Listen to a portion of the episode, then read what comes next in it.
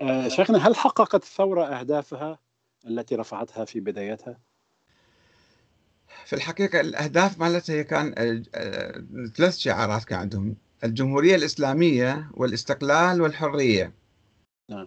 باللهجة الإيرانية جمهورية إسلامية استقلال آزادي يعني الحرية وال في الاستقلال طبعا الجمهورية أقامت النظام حسب تصورهم يعني هو وهذا المتعارف يعني. والاستقلال طبعا نجحت فيه نجاحا كبيرا إنه هي الدولة تقريبا الوحيدة قد تكون في المنطقة اللي عندها هذه الاستقلالية في كل شيء.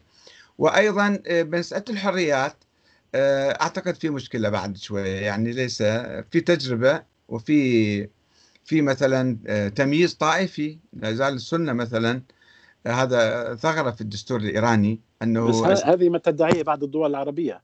لا هو في الدستور مكتوب. الدستور نص على أن يكون رئيس الجمهورية منتمي للمذهب الإمامي الاثنى عشري طبعا يعني لا يحق للسنة اللي هم تقريبا 30 40% 20% لا أدري بالضبط إنه ما لهم حق يشاركوا في رئاسة الجمهورية. وهذا التمييز ينافي الإسلام وينافي الديمقراطية.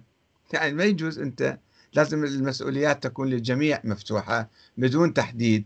وهذا أيضا كان موضوع الشيخ منتظر كان يعني متردد في هذه المسألة ويرفض ولكن تم بضغوط من قبل المرجعيات التقليدية فرضوا عليه في بناء الدستور. وهو لا معنى له. يعني ماذا يعني أن يكون رئيس الجمهورية آه، مثلا إماميا اثنا عشريا؟ الاثنى عشرية لا يؤمنون بالدولة ولا يجيزون الدولة يحرمون إقامة الدولة. فالدولة الإيرانية الآن هي ليست شيعية إمامية اثنا عشرية. هي إسلامية ديمقراطية لا سنية ولا شيعية. فلماذا نضع في الدستور أن رئيس الجمهورية يكون منتمي للمذهب الاثنى عشري مثلا؟ بدون معنى هذا. نعم. وبالتالي يسبب لنا مشاكل ويسبب توترات في النظام آه، على صعيد الحرية وعلى صعيد العدل والمساواة بين المواطنين. وهذا إن شاء الله نأمل في السنوات القادمة أن يلتفت الإيرانيون ويعيدوا النظر في دراسة الدستور ويحذفوا هذه الثغرات أو السلبيات. نعم نعم. آه شيخنا بالنظر إلى إيران اليوم يعني رغم العقوبات المجحفة نعم. آه الدين يعني لا يتعدى يمكن 20 مليار دين خارجي.